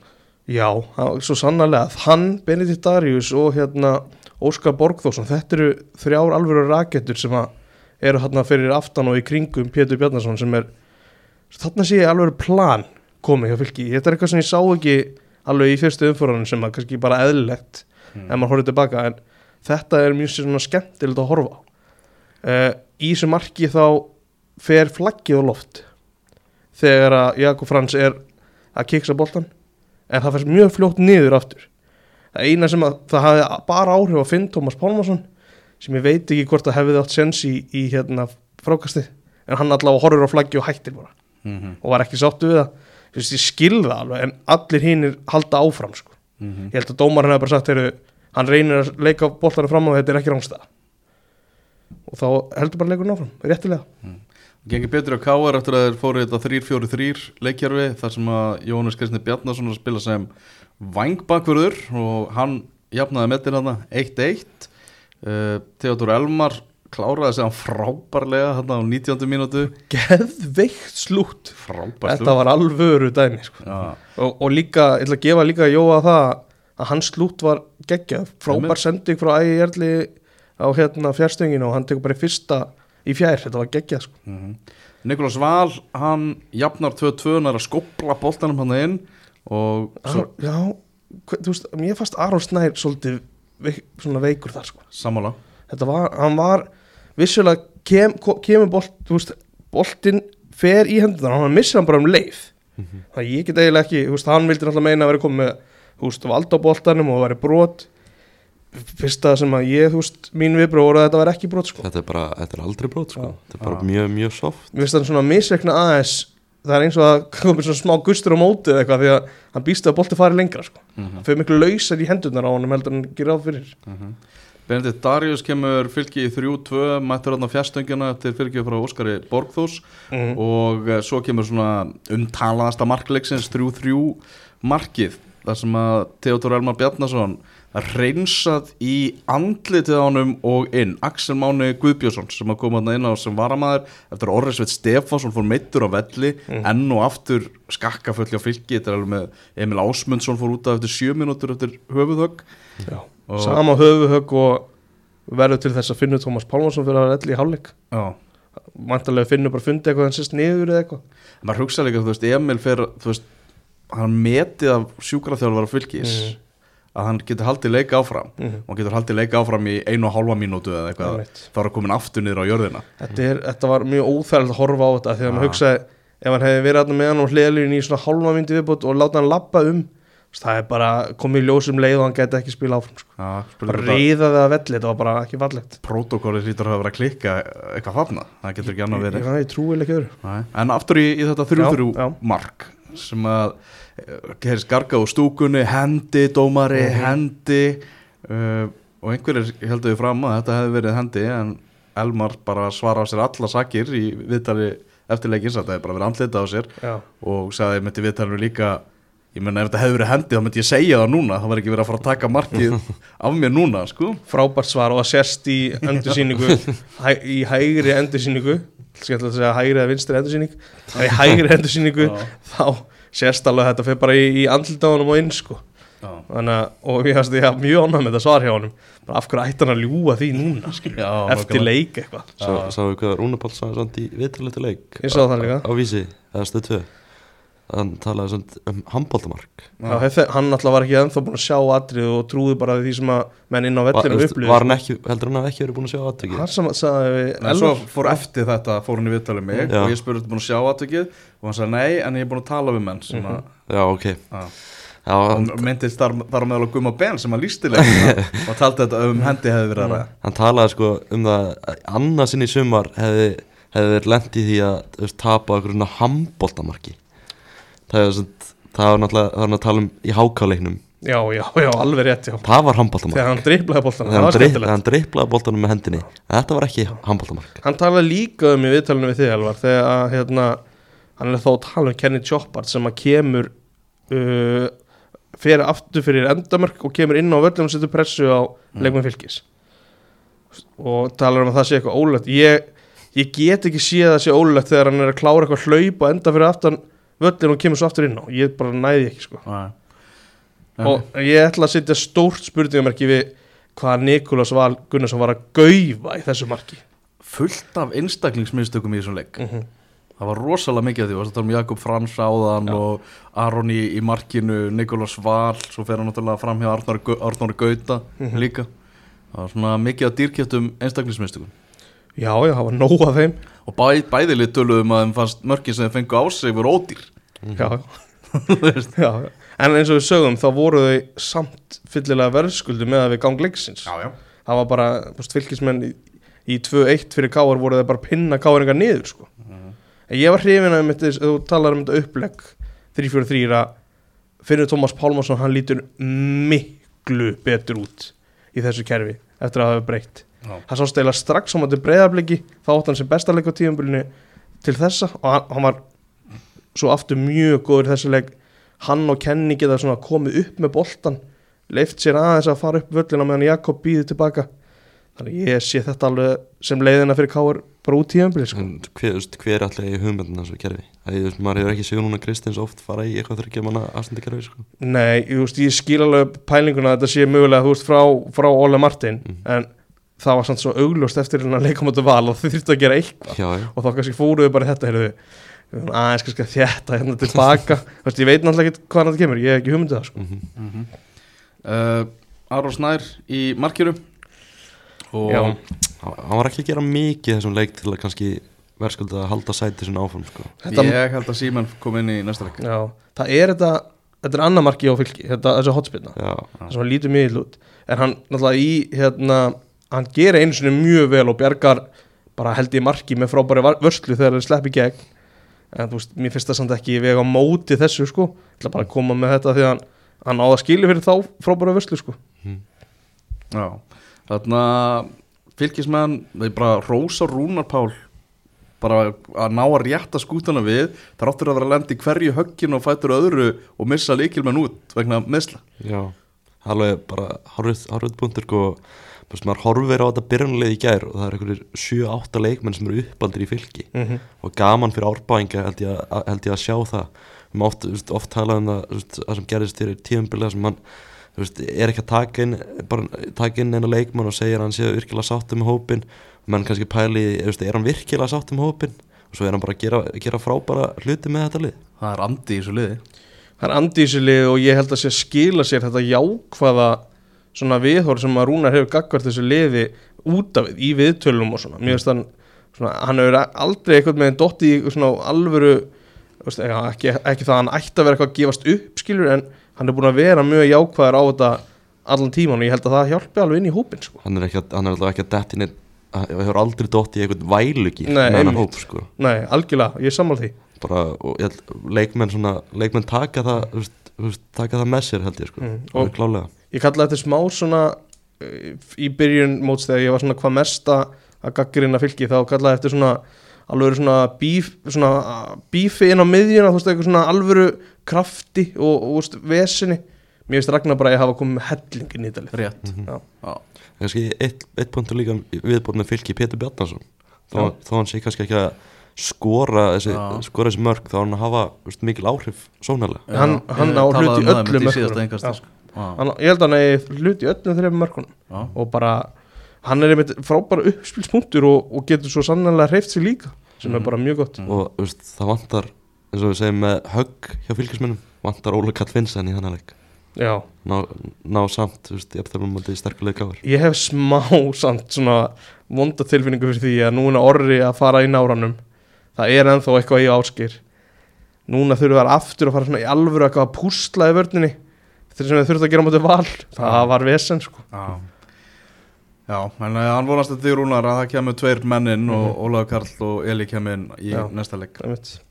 Þannig að býð- býðum að, býðum að sjáum uh, Liðan í 7. og 8. sæti mena, Hvar sjáu þið K.R. enda í svona þessari deilt að við sjá, svona, að þeir halda áfram að, matla eru þá bara mögulega að fara 6 Menna, það eru bara tvö stig núna upp í, upp í sjötta seti uh, maður, þú veist, háká búið að tapa þremu deildalegjum í röð Mhm. uh, og maður sér þá ekki endilega endast þannig í topp 6 sko þannig að sé maður alls ekki gera Já, þannig að maður, svona, ef, ef maður er að horfa í eitthvað leið til þess að fara hann upp þá er það KR sko Já, þrátt fyrir að, Já, þrátt, þrátt fyrir að, að, að það sé mun bjartar hjá K.R. núna Mhm. þá eru þau, veist, þau voru að keppa múti fylki og, og gerðu jafntefli og allt algjörlega. Þeir eru ekkert að fara eitthvað skrið þar sem þeir eru að fara að vinna hellingarleikin við röð.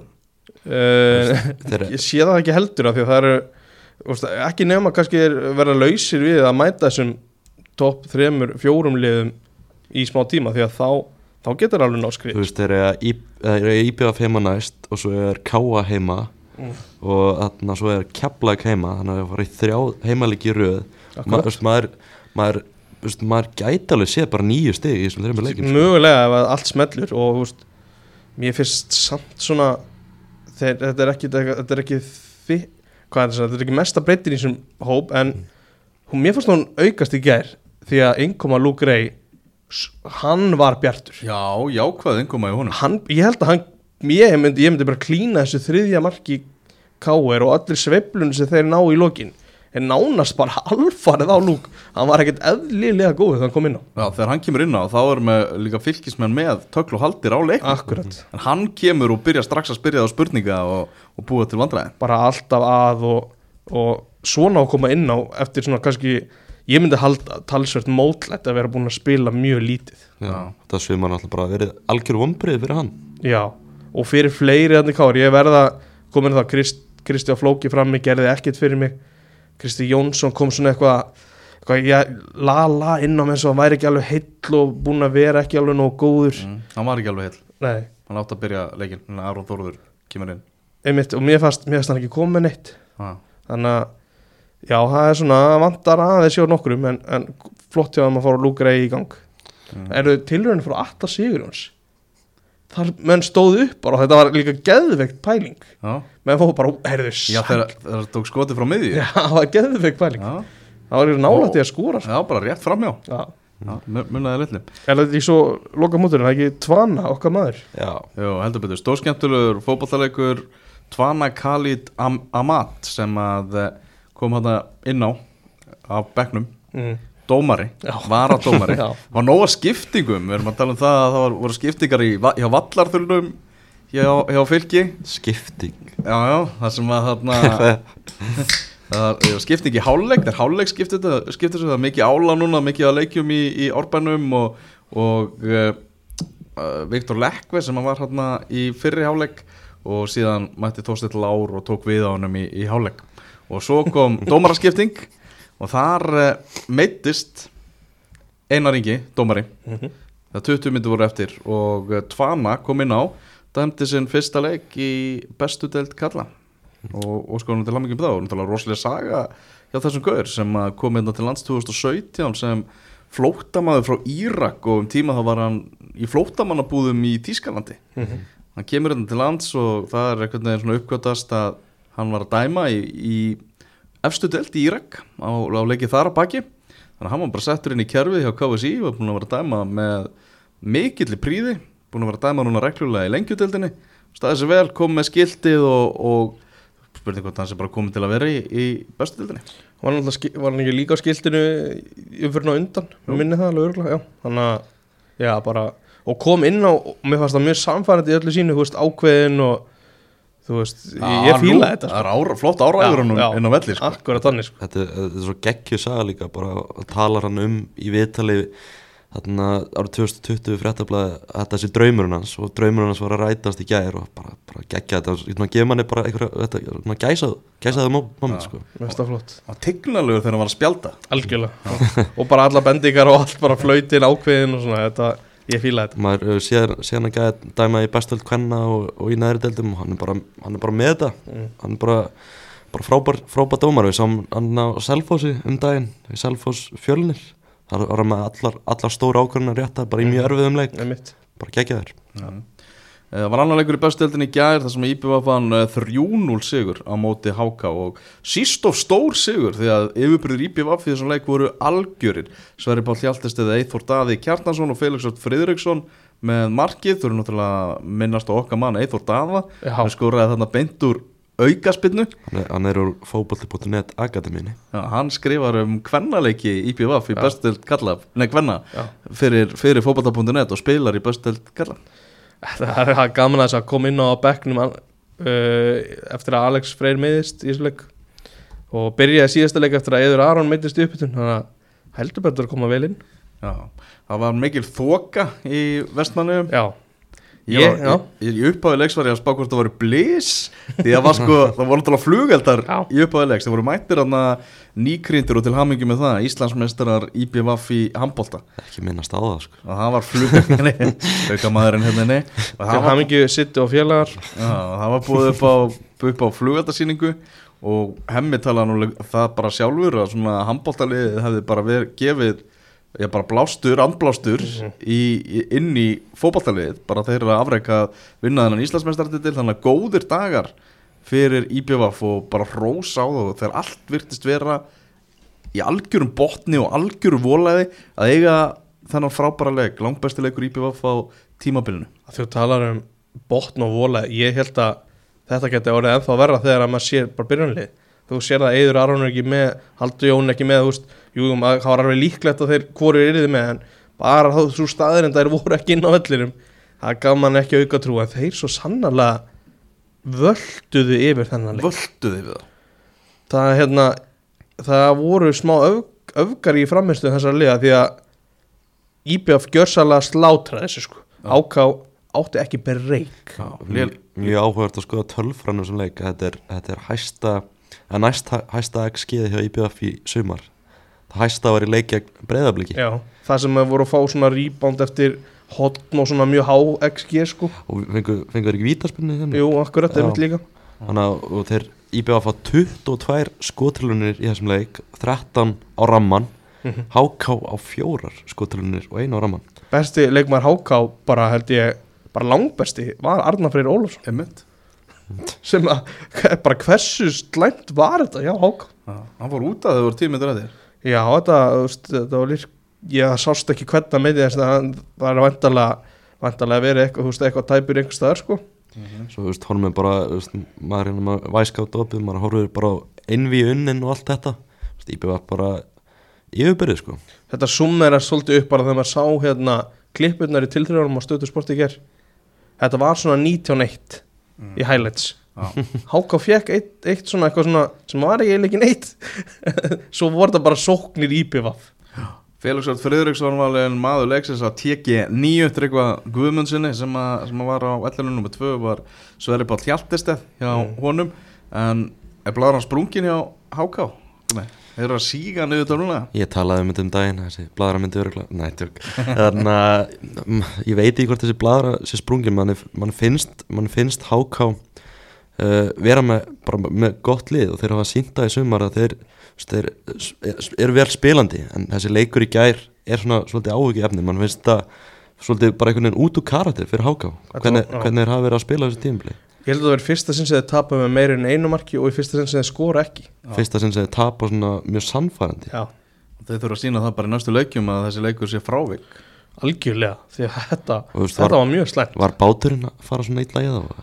Ég veit, yeah, ég veit það ekki. Var vond í sjóin í gær?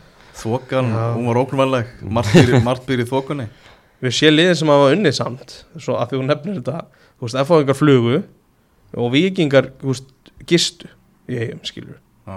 það var alveg, það getur alveg jú, það getur alveg spilað helling inn í en, en þeir voru samt alveg sko hörmulir Það maður horfið svona í XG tölfræðina í HK í sumar Það er svona fyrsti leikurinn sem það sem við vinna breyðableik það sem er svona svolítið Mm. mikill munur en svo hafa þeir bara þeir hafa bara verið yfir í mörgum af leikjunum og annars hefur þetta verið svona frekar, frekar jánt mm. FH leikurinn síðast, hann var svolítið erfiður fyrir það þótt að hann endi 4-3 þá var FH með mikla, mikla, yfirbyrði með, XG tölfræðina og svo Mm. aftur í þessum leikum á DBF þannig að svona síðustu tveir leikir hafa svolítið verið svona erfiði fyrir þá. Maður leiði sko, ég leiði mér allavega að tala þú veist, mjög svona neikvægt um hennar leik af því að þetta var ekki þú veist, að því að tala núna um að tapar ekki saman og tapa en þetta var bara í alvörinu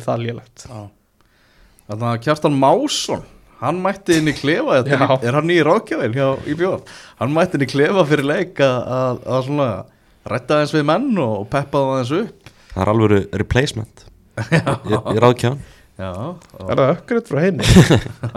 Það var alltaf að deila um það sko. Kjartan Másson náttúrulega algjör góðsögn í íslenskum fótbolta í vestmannum og einnig á Suðurnesjum og ótrúlega skemmtilegur og, og, og skröðlegu kall sem að er fjallað um nú í, í bók sem að uh, Sæfa Sæfarsson skrifaði. Engin helvítis ævisa sem að kom út hérna á síðast ári.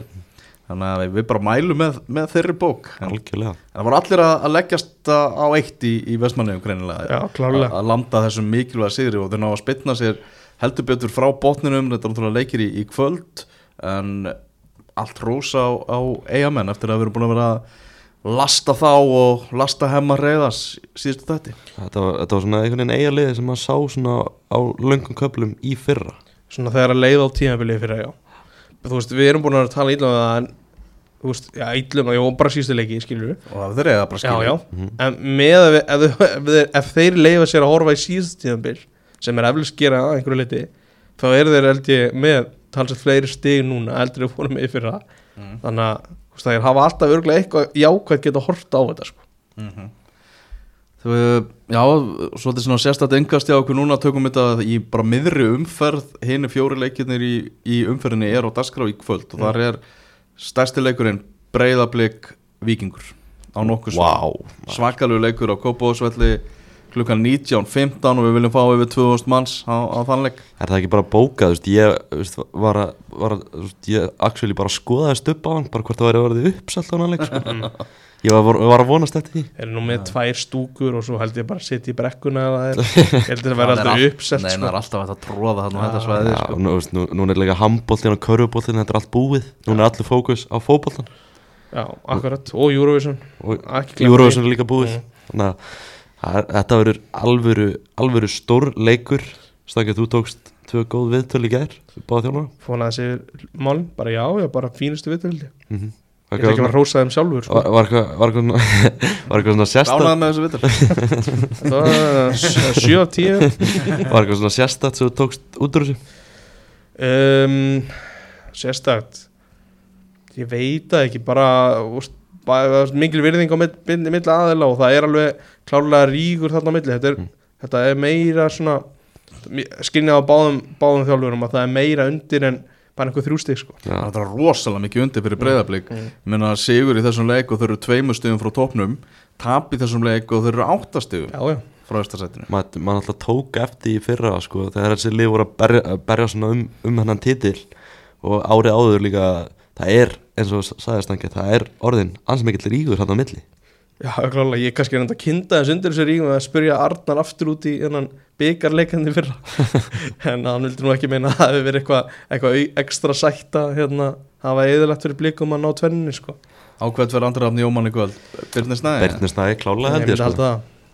ef hann verður settur til höfus einhver svona sérstakum sko, þá Mm. verður það byrnir er það ekki alltaf að fara að gerast? Hann er að fara að spila bakurinn í þessum leik jú, að það er svo mögulega bara að verði það mikið flæðið eitthvað með vikislinu, hvort að, hvort að verði látið bara eldan út um allan völd sko, ég veit það ekki, þetta verður mjög svona áhugaverð taktísk skák. Þetta það er klálega Þetta er Gunnar Vatnamar og Matti Villa ekki að snúa áttur ég, hérna, Matti er náttúrulega að byrja leikin klálega og Arnar talaði um að þú veist, passa upp á Gunnar en hann er ekki að fara að passa upp á hann fyrir leikin á mútið Þór, við getum gefa okkur það þannig að hann er að fara að spila þennan leik. Já, vatnamærin mætir aftur. Já, já, það er þannig. Aðri leikir sem er í, er í kvöld Það er Valur F.A. á Oregovellinu sem er náttúrulega líka hörkuleikur, allt hörkuleikir í kvöld. Uh, Stjarnar Káa, hann verður klukkan 6 og framkeflaðeg verður 19.15 mér finnst þannig að verður fróðlegt að sjá og það að margra augu verði á Tryggvar Hrafni Haraldsen í dag. Já, að hann deliveri aftur að því að hann vænt, ég bara gefa mér það að hann byrji aftur. Og núna væri alveg rosa stórt fyrir hann að delivera og sína bara ég get líka alveg byrja bara alla leikir það er er áhugavert var þannig leik tveir, af, uh, tveir leikmenn sem er að að spila í kvöld í þessum leik Valur F.A. er að afröðsa marki leik með, að við 90 myndur spilaðar. Gerir þeir og Tryggvi? Þetta gerði Raff Guðbrandsson og Tryggur Raff Arnaldsson? Það er rosalegt. Gerði ekki ekki að óvandlar gerði Raff marki leik sko. Svo að fyrirfram hort á hann leik þá vinnur Valur alveg 100% Mm. Bara Valur bæði, bæði þú veist, er, er núna í öðru seti deildarinn og ég veit að F er í fjórða en þetta er að gera okkur hansi og bara- það er eiginlega bara hægt að gefa sér það að Valur vinni. Það er ótrúlegt hvað F.A. hefur unnið fá að leika á gerfugrassi undan farna mánuðu ár. Já, þetta er mag, það er ekki magna bara að fara tilbaka til 2021 eða eitthvað, þeir unnu held í einni í fyrra. Það er alveg ótrúlegt sko. En við, Eftir kvöldi í kvöld þá Nei, er- unnu engan í fyrra, heldur að við bara unnu kepla út, það var ekki græs unnu einn útileiki fyrir að kjapla En við, veist, við erum að horfa í kvöld. Ef Valur og Breiðablík vinna þá er Víkingur á tótt með 27 stig Svo komum Valur og Breiðablík bæði með 25 þá er þetta bara allt í einu orðin Ykkur rosalega bara Já. Draumur hins hlutlausa. Já. það var geðvikt Það var aðeitt vorum að horfa á um daginn Var ekki Víkingur með 8 stiga fórskot Það er 7 stiga fórskot Góðs hvenar Þannig að fyrir leikanum mútið val? Minn, Jú. Minni það sko. Ég manna ekki gummi Ég bara manna ekki. Nei, það var allavega eitthvað hann Herðu, förum í lengjudeldina uh, Guðmið, þú fórst til Grindavíkur þar sem að Grindavík og afturlending mættust í heldurbetur toppslag og afturlending heldur áfram að gera frábæra hluti. 3-0 útisigur á móti Grindavík þar sem að uh, Aron Eli Sævarsson skoraði úr vítaspilnu á 15. mínútu. Réttu dómur?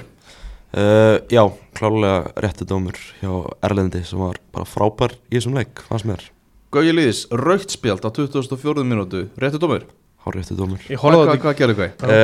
veist, maður, sa- þetta, náttúrulega maður situr hana í fjölmjölastúkunum og þetta gerist á hinum enda af allarans þannig að maður sér þetta sér þetta lítið og svo bara þú veist, allt í hennu er, er verið að tala um það í fjölmjölastúkunum það er rautspjöld að fara á loft það er rautspjöld að fara á loft uh, og svo skoðum maður þetta í endursynningunni og það er, það er svona pínu augljóst að, Guðan Petur fylgir svona einhvern veginn eftir sér. Það er svona barátta við, við, við liðalínuna hann og, og Bjartur Bjarmi uh, Barkason, leikmaður afturhaldingar í einhverju svona, svona stimpingum.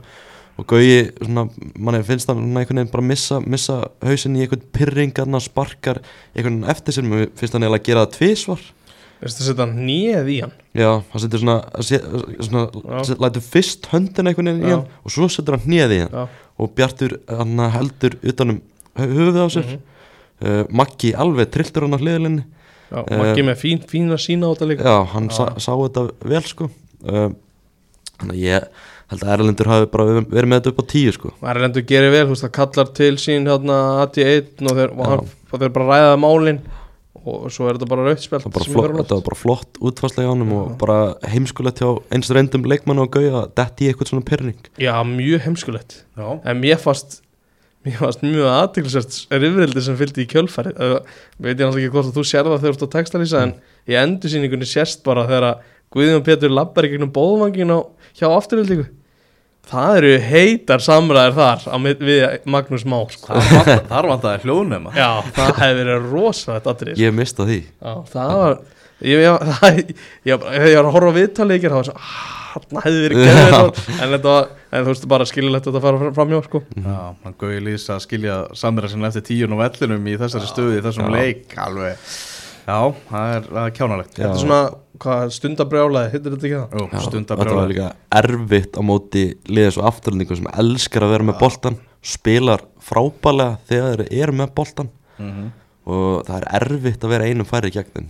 Ég trúi því bara mjög mikið sko. Já, og aftur þetta komst hann í 2-0 á markamindun miklu 43 minútu Ásker Martensson, segðu okkur frá því marki. Ég mæli bara með því að fólk bara fari á netið, finni útsendinguna af þessum leik og skoði þetta mark. Æ, þetta, er, þetta er eitt besta mark bara sem ég sé langa tíma sko. bara, veist, spili í þessu marki er alveg magna sko. þetta, þetta var bara eins og eitthvað Barcelona lið sko. Voru að hendi, hendi svo netið? Já, það er að henda svo netið. Þetta eru, eru 30-40 sendingar á milli áður en makki kemur. Uh, Arnogöti með eitthvað rainbow flick hana út á kant og Arn, Arneli með geggjaðan bolta fyrir Áski Martins sem skorar þetta, var, þetta var bara, þetta var magna mark frá að til auð eins og ég sagði í vittalinu við makki eftir leik þetta var bara heima einhverju safni sko. Já. Elmar Sónur aðstofaþjálfar hans hann skorar séðan síðasta marki á 87 mínútu og frábær byrjun á afturöldingu sem er á toppi lengjudeldarinnar á samt fjölni ja, þetta er bara, bara stórkostlega byrjun og betur en maður, maður átti vona alveg klálega sko en þetta afturhaldingalið líti bara ríkilega vel út og eins og Arneli talaði um í viðtalið leik það gerði bara ríkilega vel á markanum í sumar og það er bara, það eru það, en ég vetur segi, fá einn Rasmus Kristjansen í vörnina sem er bara ótrúlega mikilvægt. Fá markmann frá Úkræni sem er mm. geggjaður. Hann er mjög góður. Hann er ógeðslega góður. Fá líka Arnókvita heim sem, atna, sem hleypur endalaust og best og er, er bara virkilega flottur. Svo er Andra Frey þegar hann inni sko. þannig að það er danski miðumæður hann, Hann er er- líka, hann er- líka mjög góður sko. Teknískur og svona léttleikandi spilari sko. bara tvítuðu strákur já, þetta er bara þetta er, þetta er virkilega svona bara sam, vel samsett lið Já, mér svona að því hún nefndir þetta annað mark Mm. Þetta er svona, þetta er svona rólegt spil svona upp á þriða þriðjung Mm. taka svona halva myndu í það svo Bol- bara skipta þér um gýr og bang bang fyrir mark sko. boltinn frá hægri til vinstri frá hægri til vinstri og svo bara fara þér í aðgerðina. Þeir, þeir eru ekkert að drífa sig að hlutunum þeir eru bara Nei. þólum og eru að býða eftir rétt að tækja bara með boltan og finna þarna smá opnun sko. en þú djúvöldlega gaman að horfa á þetta aftöldingalið spila fótbolta. Já, þeir gerðu ekki mikið á því á móti Þór þannig að það er gaman þegar þeir gera Já, þegar, þegar við mætum til leiks og spila fótbolta það var gaman aðeins Nú þurfa greintökingar að, að núlstilla sig. Þessi leikum fór bara algjörlega í vaskin hjá það Já, slegninni þeir á jörðina á heimaðalli Það er mitt, og nú þarf, nú þarf núlstillingu. Þetta eru fyrstu mörkin sem grindaði hver á sig í lengjadeldinni í, í sumar er þrjú mörk í ennum leik. Guðum Pétur fær alltaf að spila svo hann spila byggarleikin og svo tekur hann út banna ekki. Jú, Já, Er það, það er aðskilið byggar og deild. Mhm. það því að þetta er raukt er það bókað að þetta verði mögulega tveir eða er, er það bara eitt sjálfkrafa? Það er eitt sjálfkrafa, Já. það var alltaf eitt sjálfkrafa fyrir rauðspjöld En ef að Erlendur Eiríksson setur eitthvað í skýsluna um að þetta hafa verið eitthvað sérstaklega ofsafengið. Þá geta það fengið aukaleg Ég veit ekki hvort það verði þannig. Ég held að sé ekkert eitthvað sérstaklega ofsafengi Nei, þetta, er bara- bara, bara pyrringur hjá Akkurat. og verðskulda rautspjald, mjög heimskulegt. Það er kannski um, og mikið að dæma hann í Já, nei. Nei, Herðu, það var leikur á Norðuráls vellinum þar sem að Ía tapaði fyrir fjölni 1-2 og þar fór vist Sigurðun Daði Harðarsson markvöru fjölni skjössamlega hamförum og með reynum ólíkjendum að skagamenn hafi farið út úr þessum leik án þess að fá stig? Hann átti sérstaklega í setnáleik eina alveg gjörsanlega trublaða vörslu. Ég hef bara sjaldan séð svona.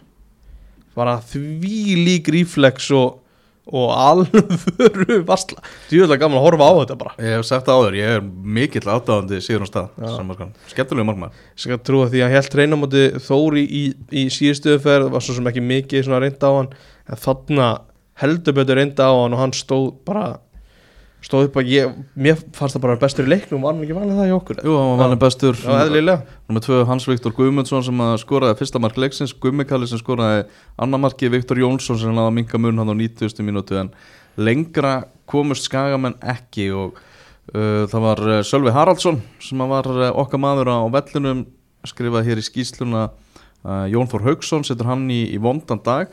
Það hlýtur að vera komin alvöru pressa á Jón eftir úrslitin í dag. Eitt sigur í fjórum leikjum. Fimm leikjum. Já, fimm leikjum.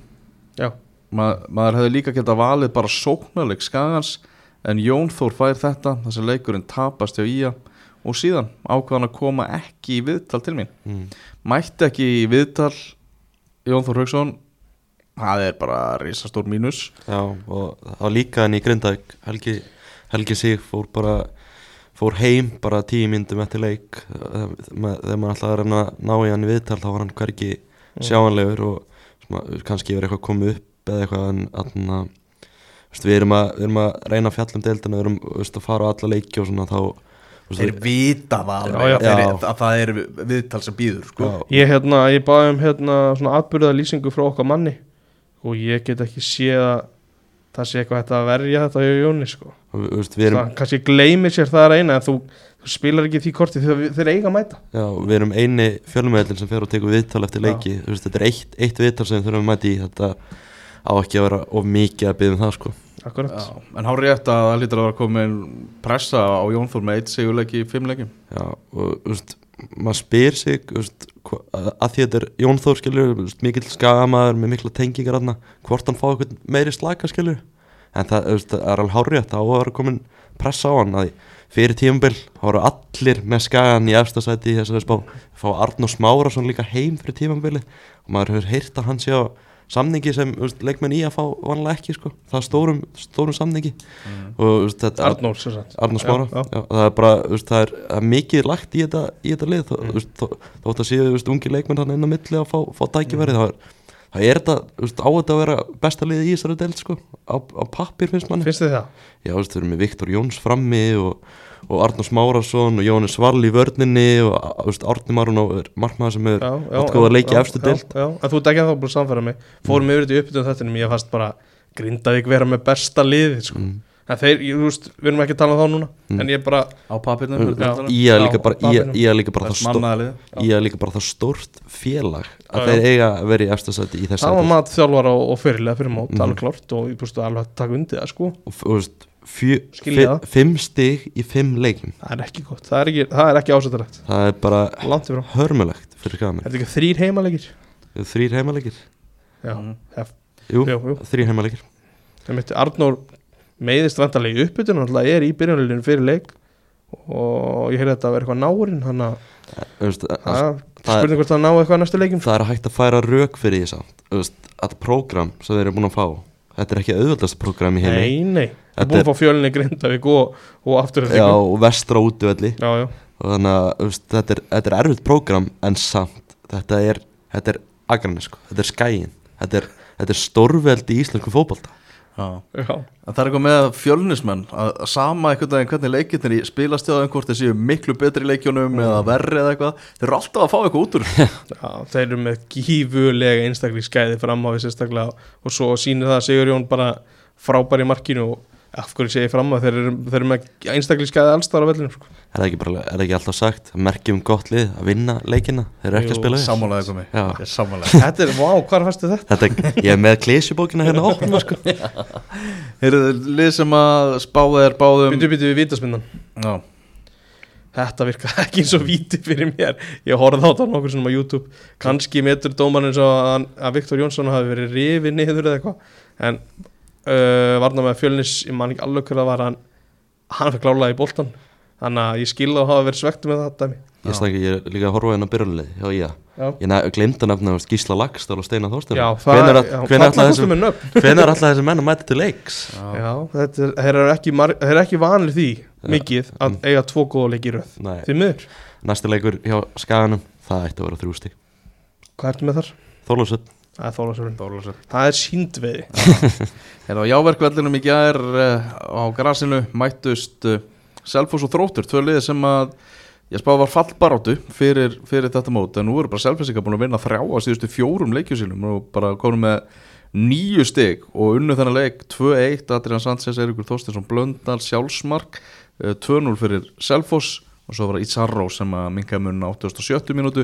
Sem þróttar að nýttu sér liðsmunin en Óskar Vasilevski hjá Selfossi hefði fengið rautspjald á 54 mínútu. Já, rauðarspöldi hárrétt Já, uh, Ian Jeffs talar um að, að þróttar hafi verið betri síðustu, síðasta klukkutíman en það duði ekki til.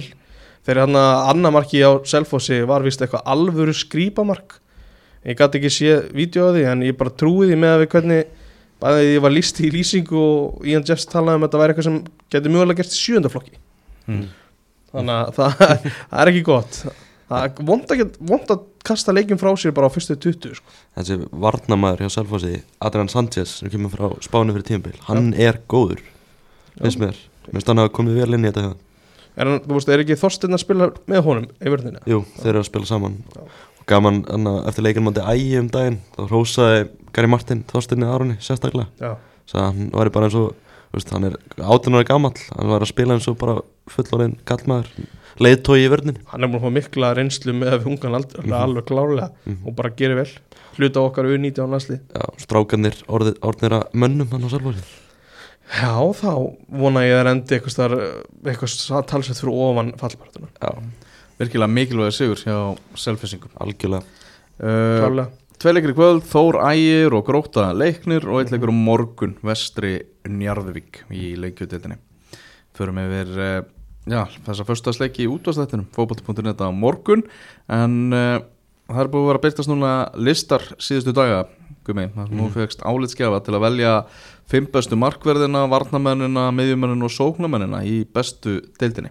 Jeps. Þannig að skoðum þetta, en spyrjum bara á, á markvörðunum, þar sem að Fredrik Skram var valinn besti markvörðin. Já, þess að reglan í þessu var að horfa ekki bara á þetta tíðumbil bara svona á heildamyndina hver er, Hver er bestur? hver er bestur veist, ekki eh, Hvaða markvörður er bara hinnlega besti markvörður deildarinn? Ekki, ekki fyrstu umferðinnar? nei, hvern horfið þú bara á og segir að sé bestur Já. og þessi ágæta dómnend komst að þeirri niðurstöðu að Fredrik Skram er besti markmaður bestaröldunar Ingvar Jónsson í öðru seti, Anton Ari Einarsson í þriðasæti Sindur Kristján Ólafsson í fjórðasæti og Gí Schmidt í fymtasæti Já. Ég var með yngvar nummer eitt, svona eftir að hafa velt þessu fyrir mér, ég var búin, ég er búin að tala um Fredrik Skram sem svona langbestan og eitthvað, en svona eftir síðustu umferði þá er eiginlega, er yngvar búin að sveiplast upp í efstasæti á mér. mm. Ég tek bara undir að svona og horfir, horfir á svona current power ranking á þeim hvernig þeir eru búin að spila sérstaklega núna veit átt að horfa fram hjá því en þar er í samanlega að yngvar er fyrir ofan Fredrik. Mm. Anton Ari í þriðasæti, voru þessi þrýr ekki bara svona með nokkra, nokkuð mikla Jú, jú, þeir voru með nokkru mikla yfirbyrði í þessa, þessari kostningu svona augljósir, einhvern veginn þrýr bestu kostninir akkurat núna. Uh, ef ég ætti að setja svona eitthvað spurningamerki við hennar lista þá hefði ég sett Harald Björnsson á þennan topp 5 lista. Mm. hann er kannski smá glemdur núna veist, út, af, út af meðslunum en veist, og hann er eiginlega ekki í veist, mann líður eins og sé ekki í deildina því að hann er ekki í hópnum hjá stjörnunni, ekki í leikmannhóp á leikdag, veist, í eðlilegu árferði þá væri hann númer fjögur á þessum lista. Alveg klálega myndi ég myndi halda að hann var alveg að kontesta sennilega, berjast við topp þrjá, sko. Mm alveg klálega Já, ég, á mínu, ef ég myndi setja saman topp 5 lista sjálfur, Mhm. þá væri Rósunar á, á honum, Já. Keflæk. það er kannski svona spilar inn í að maður hefur bara séð hann svo lítið sko. Uh, bestu varnar mennirnir og þar, uh, já, við tökum bara 5 og, og upp, Damir fimmtasæti sem segir sitt um það hversu sterkur þessi listi er. mm -hmm. Birkjum Már Sæfarsson í fjórðasæti, er náttúrulega bakverðinir líka með. Oliver Ekroth er í þriðjasæti Höskuldur Gunnlaugsson fyrirlið breyðabliks í öðru seti og efstur er síðan Logi Tómasson í Viking, besti varnamaður, bestu deldarinn að mati sérfræðinga okkar. Við getum alveg sagt að sko, Logi Tómasson fekk bara ansi góða kostningu í ersta sæti sko. ah, hann er menn hafa mjög mikið álit á honum sko. líklegur framtíðar landslisbakur í Ísland segir hérna einn áleitskjæðin mm heldur betur samkeppnið þarna Já, þetta er, þetta er öflug fimmana listir sko.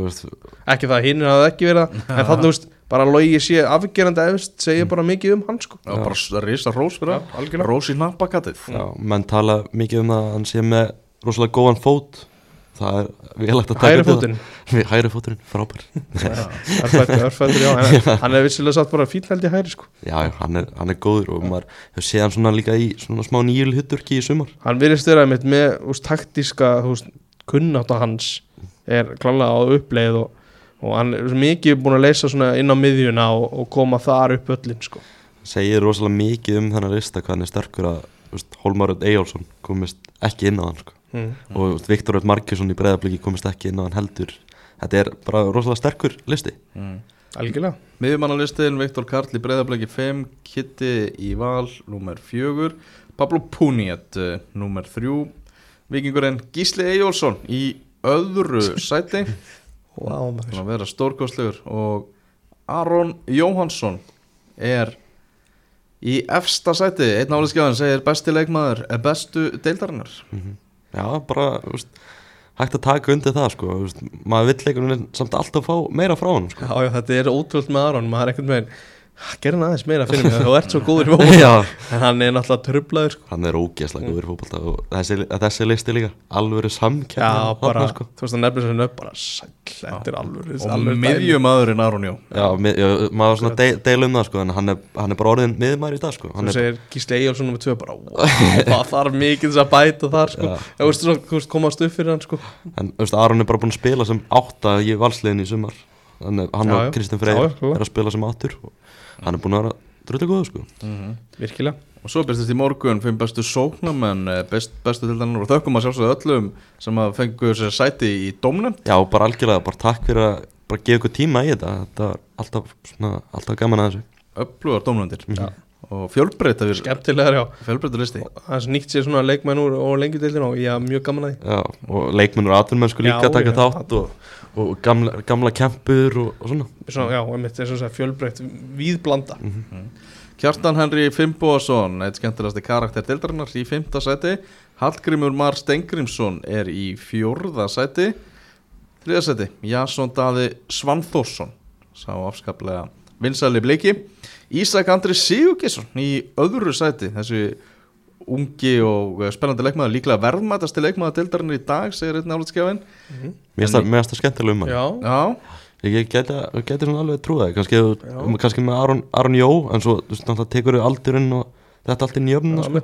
þú sér ekki hvað lið, þú veist, fara að henda 7 60 miljónum í hann eða hvað sem þessi verðmiði væri, skilur ég get alveg, ég get alveg trúið að Ísak sé ver- sá verðmættastur sko. Já, gott ef ekki efsta sæti hefur bestu sóknum með bestu deildarinnar síðan Nikolai Hansen og eitt segir þetta minnum við stundum á Giroud. Já, Já, ég minnst það ógeðslega góðið samanbyrður hann er bara Giru, íslenska boltan svo. Mér finnst það gaman að menn voru mikið að setja Nikolai Hansen í efsta sæti á sínum lista. Hann á skili að fá, fá hrós. Og man, svona, man, líka, man, man líka eftir umræðinu sko, þegar hann kom fyrst til Íslands að þetta væri bara þú veist, væri ekki nógu góður íslenska boltan og eitthvað, hann er bara hvað hann gefur þessu vikingslið ógislega mikið. Það er bara magnað sko ekki skemmi fyrir hann tala bara íslensku á föstu. Já, tala fyrir íslenska föstum en það eru, það eru, það eru margir sem hefur getað komist á þennan lista Sóknumarslistan, við veistum að taka kantmenn líka inn í myndina. Mm Mhm. -hmm. Spyrnisnar Ingason í, í Vikingi Gummi Maggi fram. Mhm. klálega, þú veist, svo ertu með Stefán Inga sem hefur verið að blómstra í, í sumar. Andri Rúnar. Já, Andri Rúnar, Adam Ægir var frábæri Mhm. í fyrra og er búin að vera mjög góður í ár. Það eru al- alls konar nöfnana þannig að mikil samfélgin það var, mér var skaman að sjá Kjartan Henry komast á annar lista. Og það var svo, svo, svolítið óvænt. Já, já en samt bara fer með þvíli gæði í gæðinum sko. bara verðskulda, verðskulda í sumar bara líka með hversu vel hann hefur verið að spila á þessu tímli uh, Þetta kom núna upp í hugan á mér Þú talaði um Hólmar áðan í vardamann mm. Kemur mér líka smá orta eður Aron Sigurbjörnsson já, ekki þar? já, það er það er góða punktur líka fullt af góðum leikmennum í, í þessari deil Það er nóg að þeim maður. Já, mér finnst- gaman að byrta þessa. Virkilega skemmtileg listi, vel gert. Breiðablik vikingur í kvöld minnum enn og aftur og hann og svo mætur Óskar Þorvaldsson sem gestur í útastáttin fótbolti.net á morgun. Þá þurfum milli 12 og 2 fylgjast með því. Fylgjast með því, takk fyrir að hlusta á uh, þetta innkast, öðruvísi innkast uh, í þessari tíundu